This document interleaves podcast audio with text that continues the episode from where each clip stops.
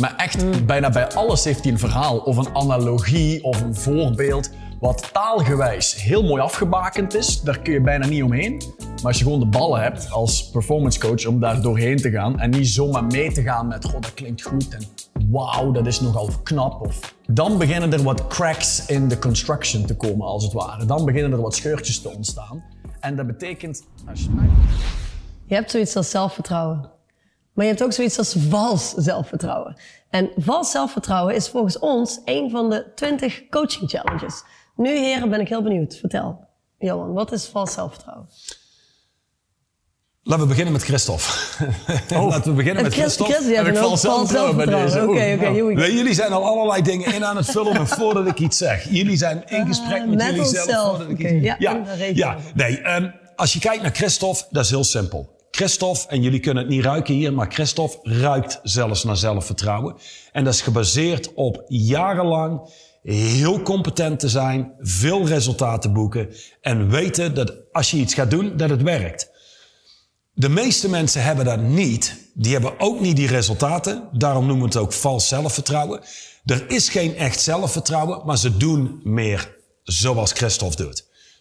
Uiteindelijk merk je daarop. Als ik Christophe wat rondduw, pushback geef, dan blijft hij heel gefocust, heel stabiel. Er is niks aan de hand. Maar als dit gebeurt bij iemand met vals zelfvertrouwen en die wordt wat rondgeduwd en die krijgt pushback, laat zeggen, die geeft een lezing en iemand in die lezing staat op en zegt: Wie gelooft deze onzin? Wie gelooft deze bullshit? Iemand als Christophe zou zeggen: Dankjewel voor je feedback. Zoals ik gezegd heb, dit wat ik hier doe is niet voor iedereen. En die gaat door met zijn lezing. Iemand met vals zelfvertrouwen. My god, als zoiets gebeurt, die valt uit elkaar. Die komt waarschijnlijk moeilijk uit zijn woorden. Die rondt die lezing af en waarschijnlijk gaat hij nooit meer voor een groep staan. Dus mensen merken dat op. Alleen misschien niet in eerste instantie. Je ervaart het wel. Maar zeker als mensen onder druk komen staan, ja, dan kom je erachter. Dit is gewoon niet oprecht. Dit is geen echt zelfvertrouwen. Wij zijn dus niet echt fan van fake it until you make it, zou je kunnen zeggen. Want dat is eigenlijk wat ik jou hoor, eh, hoor zeggen. Nee, de- integendeel. Ik bedoel, wat ik altijd mooi vind om te vertellen in hetgene wat Johan ook zegt, er is zoiets als een echte inner stance. Denk aan acteurs. Je hebt absolute toppers, dat zijn A-acteurs. Die komen vanuit een inner stance. Of je hebt die B-acteurs, ja, en dan zie je dat is een act. Dat is gewoon niet echt. Dat is heel eh, poreus, dat zit vol met gaten. Die spelen het. Het is echt een, een rol die ze aannemen bovenop wie, wie ze zijn. Klopt. En dat is hetgene wat vals zelfvertrouwen uiteindelijk is. Het is een compensatie voor een, een inner stance die niet aanwezig is. Ik weet bijvoorbeeld één, één iemand die bij mij in de regio altijd actief was als coach. En er was een netwerkevenement. Ik werd uitgenodigd om te spreken. Achteraf, we kennen het, hè, je gaat altijd een beetje rondwandelen. Je hebt wat gesprekken met mensen. En toevallig was er een cliënt van mij ook daar. Maar die coach, die wist dat niet. Dus ik stond aan de tafel met die cliënt van mij te praten, stond nog iemand bij. En hij komt daar zo bij staan. En puur vanuit vals zelfvertrouwen wat indruk willen maken. En hij begint met mijn cliënt een beetje een conversatie te openen. Maar je ziet gewoon dat iemand dat doet, die is op de toppen van zijn tenen aan het lopen, want die is bang natuurlijk dat er, door hem heen gekeken wordt.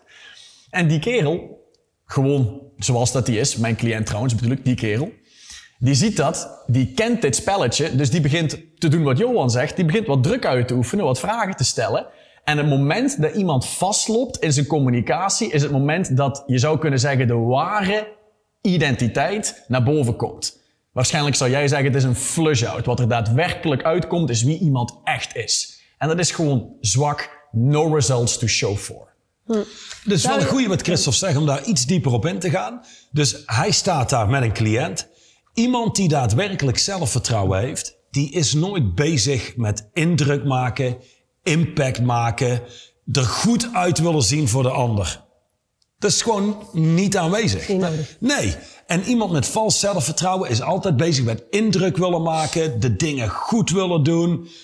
Compenseren vaak met wat eh, materiaal, zoals misschien een leuke auto of zo. Maar dat is ook echt nodig om die identiteit hoog te houden. Name dropping doen ze dan ook nog vaak. Ja, ja. Zo van mooie namen opnoemen om er een soort indruk te maken. Je blijft daar altijd op terugkomen, dat klopt. Ja, oké. dus uh, uiteindelijk is dit heel erg, zijn hele mooie voorbeelden als het gaat om vals zelfvertrouwen bij coaches. Ja. En nu, als wij die, als we dat vals zelfvertrouwen, die coaching challenge trekken naar de cliënt. hè, want uiteindelijk um, zijn deze coaching challenges voornamelijk opgezet zodat een performance coach hier naar kijkt of hier naar luistert en denkt: Oh, wacht eens even. Dit zou wel eens kunnen zijn wat er gaande is bij die ene cliënt waar ik op vastloop en er is geen resultaat. Eerste vraag die ik zou willen stellen is: zijn mensen met vals zelfvertrouwen wellicht uh, moeilijker coachbaar omdat ze iets hoog te houden hebben? Als je het mij vraagt, absoluut. Okay. En, en moeilijker coachbaar is misschien niet helemaal waar wat ik nu zeg, want ik, er, er komt één keer iemand naar bij naar boven. In het begin was dat iemand die heel erg moeilijk was om gewoon iets te laten zien. Om daadwerkelijk door die botte kop heen te breken, moet ik dan maar zeggen. Maar eens dat je daar doorheen bent, hoe ik het ervaar, is dat iemand die wel daadwerkelijk open staat. Als ik bijvoorbeeld af en toe in gesprek ben met mensen, en ik weet die werken bijvoorbeeld met Johan, dan zijn dat soms mensen die hebben een hoop zelfvertrouwen. Die hebben veel opgebouwd, die hebben bedrijven die in meerdere landen actief zijn, grote investeringen die dat ze hebben gedaan. En ja, dan is het heel simpel, die zijn gewoon niet zo gemakkelijk, daar wordt niet zo gemakkelijk indruk op gemaakt. Dus dat betekent, dan moet je al van goede huizen komen en oprecht zijn. Als iemand dan oprecht is, dan kan iemand wat vragen stellen, iemand kan zichzelf wat afstandelijk opstellen en misschien wat doen alsof dat hij een hoop zelfvertrouwen heeft. Maar op een gegeven moment laat iemand dat aan de kant, dan laat iemand wat meer zien van zichzelf en dan kom je ook echt daadwerkelijk binnen. En dan heb je mensen die vaak cliënt zijn voor het leven. Dat is mijn ervaring.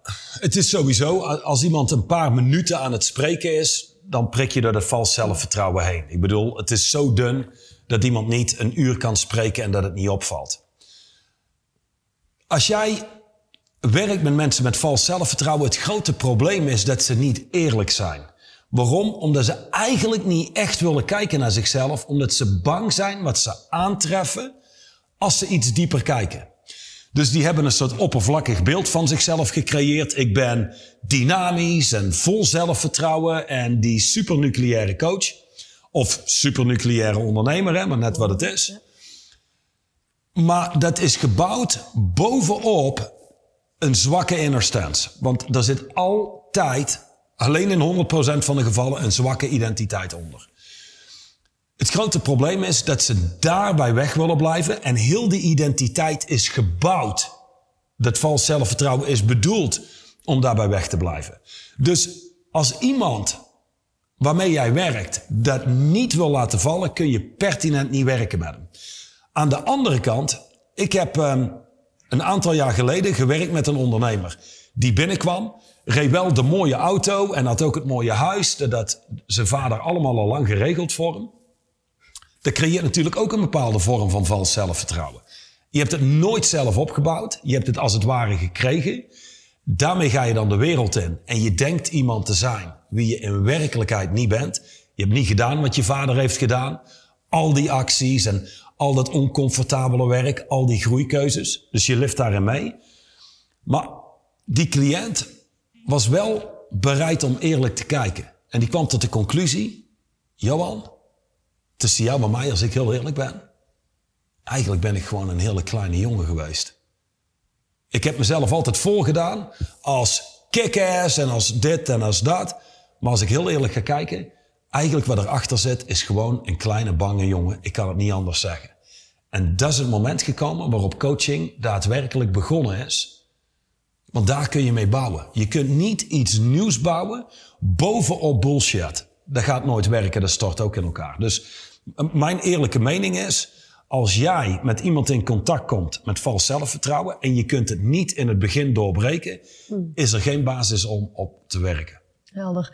Als je als performance coach nou in contact komt met iemand met zelf, vals zelfvertrouwen, zoals jij zegt, en je wil dat in het begin direct aanpakken, hoe herken je dan dat vals zelfvertrouwen? Want jullie zeggen het is heel dun, je prikt er heel makkelijk doorheen. Maar goed, ja, uh, jullie zijn ook nogal doorgewinterde uh, coaches, straightline coaches. Dus, dus voor de kijker thuis. Wat zijn soort van signalen waardoor je kunt zeggen: oh nee, hier is wel sprake van, van zelfvertrouwen? Mijn ervaring komt nu ook één iemand specifiek naar boven. Veel verhalen. Maar echt, mm. bijna bij alles heeft hij een verhaal of een analogie of een voorbeeld. Wat taalgewijs heel mooi afgebakend is. Daar kun je bijna niet omheen. Maar als je gewoon de ballen hebt als performance coach om daar doorheen te gaan en niet zomaar mee te gaan met, goh, dat klinkt goed en wauw, dat is nogal knap. Of, maar je blijft doorvragen en je wordt nauwkeurig, je wordt specifiek. Dan beginnen er wat cracks in de construction te komen, als het ware. Dan beginnen er wat scheurtjes te ontstaan. En dat betekent, als je het mij vraagt, doorvragen, maar echt doorvragen, niet wat heel vaak verteld wordt. Hè. Stel wat vragen en nee, doorvragen tot de kern. En de kern is, wie is iemand echt? Wie is iemand echt? Maar daarvoor zul je zelf ook door je eigen vals zelfvertrouwen heen moeten prikken om dat te kunnen doen bij de ander. Goed punt. Uh, dus uiteindelijk, uh, eventjes die samenvatten, uiteindelijk wat jij zegt is, um, door de als, als iemand heel veel mooie verhalen heeft, altijd mooie grote verhalen heeft, dat is in ieder geval een, een soort van yellow alert gaat sprikken. Want het zou zomaar kunnen dat je te maken hebt met eigenlijk een vals zelfvertrouwen. En een soort van gebouwde identiteit die helemaal niet matcht met wat er in, aan de achterkant in die innerlijke wereld afspeelt. Hè? Dus mm oké, mooie verhalen. Heb je nog meer dingen waar je het zou kunnen herkennen? Nou, um, eigenlijk een goede vraag voor jezelf als performance coach om te stellen. Als je kijkt naar zo iemand is, wat moet iemand eigenlijk geloven over zichzelf? om niks anders te doen dan alleen maar fantastische verhalen te vertellen, op te scheppen, name dropping, alles waar we over hebben gesproken. Wat moet iemand eigenlijk geloven over zichzelf? Schijnbaar niet dat je heel kick-ass bent, want anders hoef je dat niet steeds te vertellen naar de buitenwereld. Dus als ik kijk naar cliënten waar ik mee werk en laat zeggen, we pakken de top 5 en dan ga je kijken naar wat die hebben opgebouwd. Die hebben multinationals, bedrijven die wereldwijd opereren. Ik heb één cliënt ik denk dat hij ongeveer een, een autoverzameling heeft van 20 auto's, van Ferraris tot Rolls Royces en alles wat iedereen op internet uh, uh, opzoekt aan mooie auto's. Daar zul je hem nooit over horen. Dat, hij zal ook nooit opscheppen met die auto's. Vaak is het ook nog zo dat hij de auto bewijzen van om de hoek zet. Hij houdt van mooie auto's, maar je hoort hem er niet over en hij schept er ook niet over op. De echte wij noemen het wel eens killers waar we mee werken, de echte cliënten. Weet je hoe die zijn? Heel relaxed. Gegrond, staan met beide voeten op de grond. Weinig verhalen. Geen opscheppen. Waarom? Als iemand zijn leven op orde heeft en iemand heeft zelfvertrouwen, die zit heel lekker in zijn vel. Die is misschien soms wel wat kalmer, wat rustiger, wat meer op de achtergrond. En die laat degene met vals zelfvertrouwen misschien meer spreken. En het grote verschil is, de ene groep schept over het algemeen op. Moet er heel goed uitzien voor de buitenwereld. Die doen heel hard hun best om... Ja. Ja, die zouden dus ook het liefst een auto voor de deur zetten, uh, een sleutel neerleggen dat je kunt zien wat voor auto's er rijden.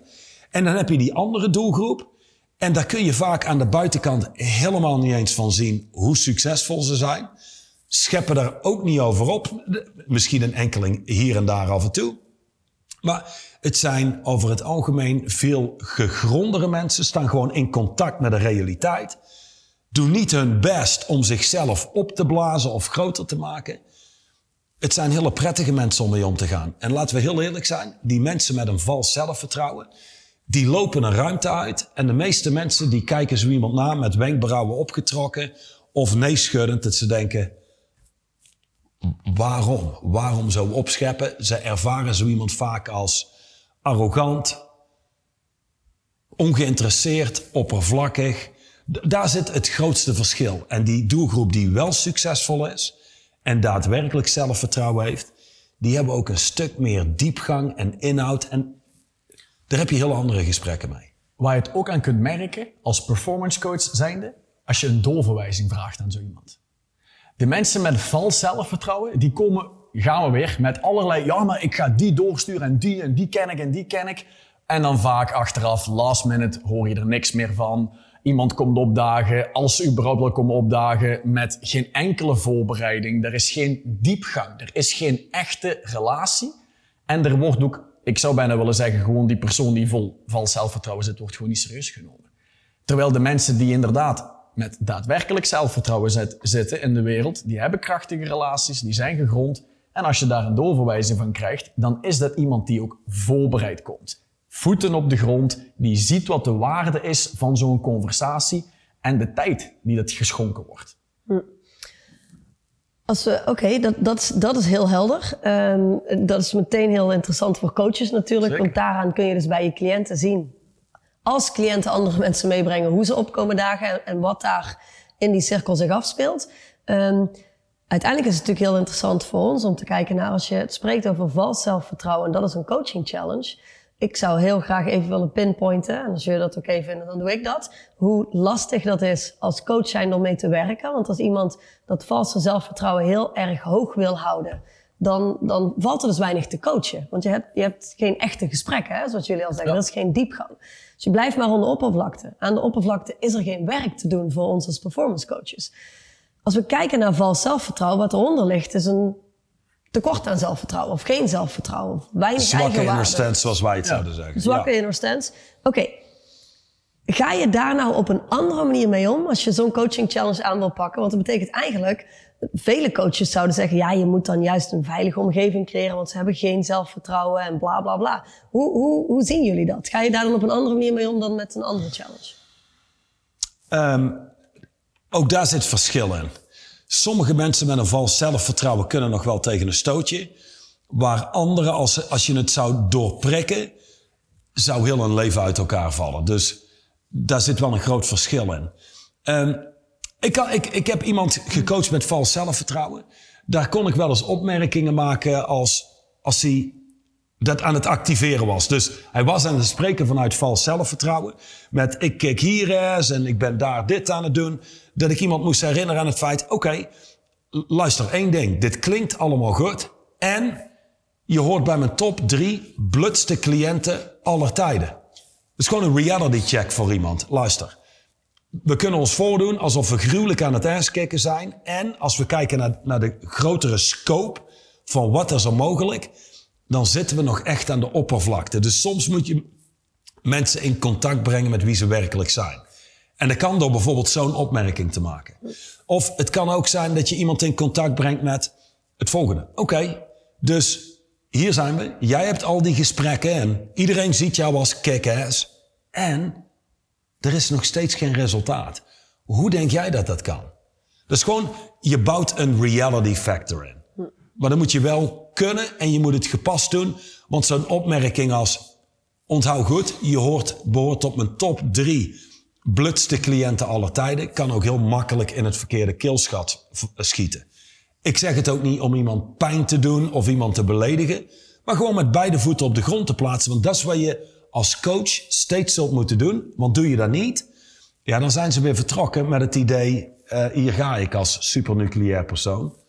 Wat in werkelijkheid niet zo is. Dus je moet ze steeds opnieuw met beide voeten op de grond zetten. Steeds opnieuw aarden en, en in de realiteit Ja, De, de cliënt, laten plaatsvinden. de cliënt zou, als je het mij vraagt, vooral moeten ownen wie dat die is en vooral wie dat die niet is. Want dat valt mij op. Mensen die ik bijvoorbeeld in programma's heb zitten, in lidmaatschappen, die vals zelfvertrouwen hebben, die laat je iets zien. Die zijn heel goed om eromheen te dansen dan. Hè. Die dansen ze om de hete brei heen. En als we ze dan te pakken hebben, dan zeggen ze wel vaak, nou, dat zou kunnen. Ja, misschien wel. ja. Ja, heel onverschillig. En, als ze, en daar als performance coach op kunnen vast blijven bijten, gepast zijn. De ene kun je hard zijn, de andere wat zachter. Maar ze moeten ownen wie ze zijn en wie ze niet zijn. En dan kunnen we daadwerkelijk iets doen. Exact, want anders kun je dus nooit door in coaching. Als iemand niet pakt wie die is op een diep level, alles wat je als coach daarbovenop wil plakken, heeft geen nut. Dus als jij met iemand werkt met vals zelfvertrouwen, stap 1 is breng hem in contact met wie die werkelijk is. Sommige mensen gaan daar nooit naar willen kijken. Dat is ook belangrijk om te beseffen. Dat is geen coachingsmateriaal. Zodra mensen daarnaar gaan kijken, wat er gebeurt, is dat ze ook onmiddellijk toenemen in power. Want dat vals zelfvertrouwen is niet echt. Dus ondanks dat zij denken dat het werkt, dat is de reden waarom ze het doen, het werkt niet. Het wordt niet gekocht.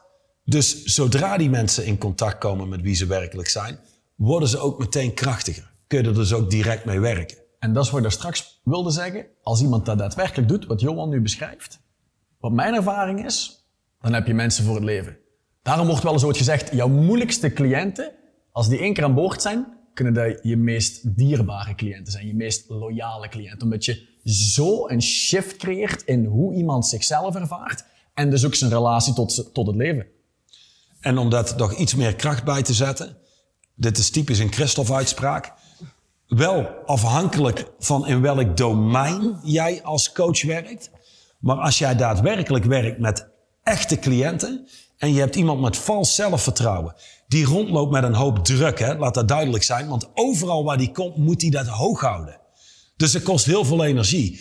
Als je die daadwerkelijk helpt. Die gaat los van dat zijn eigen leven veel meer gaat excelleren. Veel meer rust ervaren.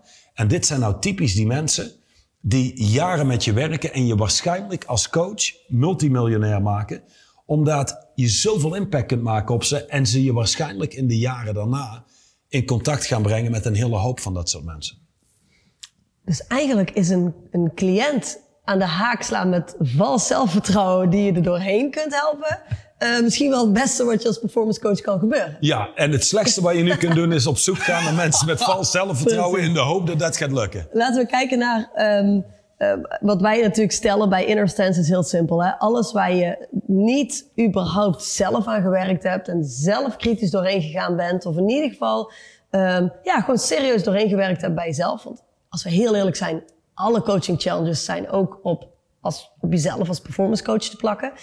Um, ja, dan ga, je, dan ga je het niet kunnen herkennen en dan ga je er niks mee kunnen bij, bij cliënten. Nee, dit is, dus, dit is echt vergelijkbaar met de ene dikkerd zegt tegen de andere dikkerd... Ja, exact. Wordt het niet eens tijd om af te vallen? Ja, dat, dat heeft geen nut. Nee. En die dikkerd kan de andere dikkerd niet eens helpen om af te vallen. Oké, okay, helder. Nou, laten we voorkomen dat de performance coaches die inner stance volgen... niet die blinde dikkerds blijven die andere dikkerds helpen... maar die daadwerkelijk um, met deze content ook al een stap kunnen maken. Ik begrijp, uiteindelijk kunnen wij niet wij werken jaren met coaches om ze extreem goed te maken. En wat zou je nu kunnen doen met deze content om het eerst op jezelf te betrekken? Ja. Dus hè, waar, waar ga je je vast zelfvertrouwen in Ik heb een schitterende vraag. Uh, alleen, het is niet een vraag die je zo aan iemand stelt en die heeft meteen, ja, ze hebben meteen een antwoord, maar dat is niet het, het antwoord. antwoord. Ja. Om nog verder te gaan, maar dit is wel echt transfor, transformele coaching, moet ik heel eerlijk zeggen is je hoeft niet eens een echt antwoord te hebben op de vraag. Als je in die vraag kunt gaan staan en kunt gaan opmerken vanuit daar wat er gebeurt en wat je begint te zien, dat is een goede start. Maar de vraag is dit. Hoe verschijn jij richting jezelf? Je zou die vraag kunnen zien als hoe zie jij jezelf? Maar dan proberen mensen het antwoord te vinden in hun hoofd. Je vindt het niet in je hoofd, want je zult jezelf moeten observeren. Dat gebeurt juist uit je hoofd. Maar hoe verschijn jij richting jezelf? Dan krijg je eerst een oppervlakkig antwoord, wat aan dit level zit. Oh, als, als iemand die dynamisch is en vol in de wereld staat. Maar ik wil het antwoord op een diep level. En daar zul je wat tijd voor moeten nemen. En dan ga je in die vraag staan. En dan de vraag, hoe verschijn ik richting mezelf? Ja, dan kom je waarschijnlijk in contact met antwoorden als, ja, misschien soms wat onzeker. Of nog niet heel kick-ass. Ja, ik ben als coach misschien best wel goed, maar ik ben absoluut ook geen Christophe. Ja, dat zijn zaken die brengen je in contact met wat daaronder zit. En dat kost, kost wat tijd, maar we zijn gewend om in deze maatschappij een vraag te stellen. 3 plus 3 is... 6. En dat zijn onze antwoorden. Blauw. 72. Maar dat is niet wat je hier wil doen. Het is gewoon, dit is volwassener. Je hoeft nog niet direct een concreet antwoord te hebben. Zit met die vraag en kijk eens wat je opmerkt. Hebben we daar nog iets aan toe te voegen? Er komt wel iets in mij op, want het niveau waarop Johan opereert, het transformationele coachingverhaal, dat is voor heel veel mensen echt het level waarop Lionel Messi voetbalt. Laat dat duidelijk zijn. Dus wat nu in mij opkomt terwijl ik Johan hoor spreken, is iets wat mij opgevallen was, ook in mijn beginjaren als coach. Ik heb mij ene keer laten verleiden om iemand te coachen die in een multilevel marketingbedrijf actief was. Dat is ook fantastisch om dat te zien, want wat daar gebeurde, iemand komt bijvoorbeeld daar binnenwandelen, s ochtends vroeg, en dan wordt er altijd gevraagd, hoeveel heb jij afgelopen maand omgezet? En iemand komt binnen, laten we zeggen dat iemand zegt 1000 euro. Op het einde van de dag hebben ze allemaal tien keer zoveel omzet gegenereerd. In één keer out of the blue. En hoe komt dat? Omdat ze weer iemand tegenkomen en die zegt, oh, ik heb 2000. En dan denken ze, verdoe het toch. Ja, dan kan ik niet dadelijk ook, ook doen dat ik me ook ga introduceren dat ik maar zo weinig heb. Dan gaan ze zeggen bij de volgende, ik heb deze maand 3000 gedaan. En zo lullen ze en, en, en scheppen ze op. Het is, ze houden een, een vals beeld van resultaat voor. Dus als je het mij vraagt, wat ik zeker zou doen als ik deze vraag zou krijgen, is kijken waar schep ik op over mijn resultaten? Waar schep ik op in mijn verhalen? En dan, dan wil je jezelf afvragen, waar komt het opscheppen vandaan? Precies, en dan is het denk ik perfect wat Johan zegt, want dan ga je eens kunnen kijken naar hoe verschijn ik nu daadwerkelijk naar mezelf. Die twee laten combineren, denk dat je een heel eerlijk beeld kunt krijgen. Dankjewel, heren. Hoe verschijn ik voor mezelf? Waar schep ik op? Waar maak ik dingen mooier en wat ligt daar daadwerkelijk onder? Stel jezelf die vraag en werk daar zelf eens doorheen. Ik kan je verzekeren dat je daarna deze coaching challenge heel, heel, heel goed in kunt zetten in je coachingpraktijk. Succes ermee!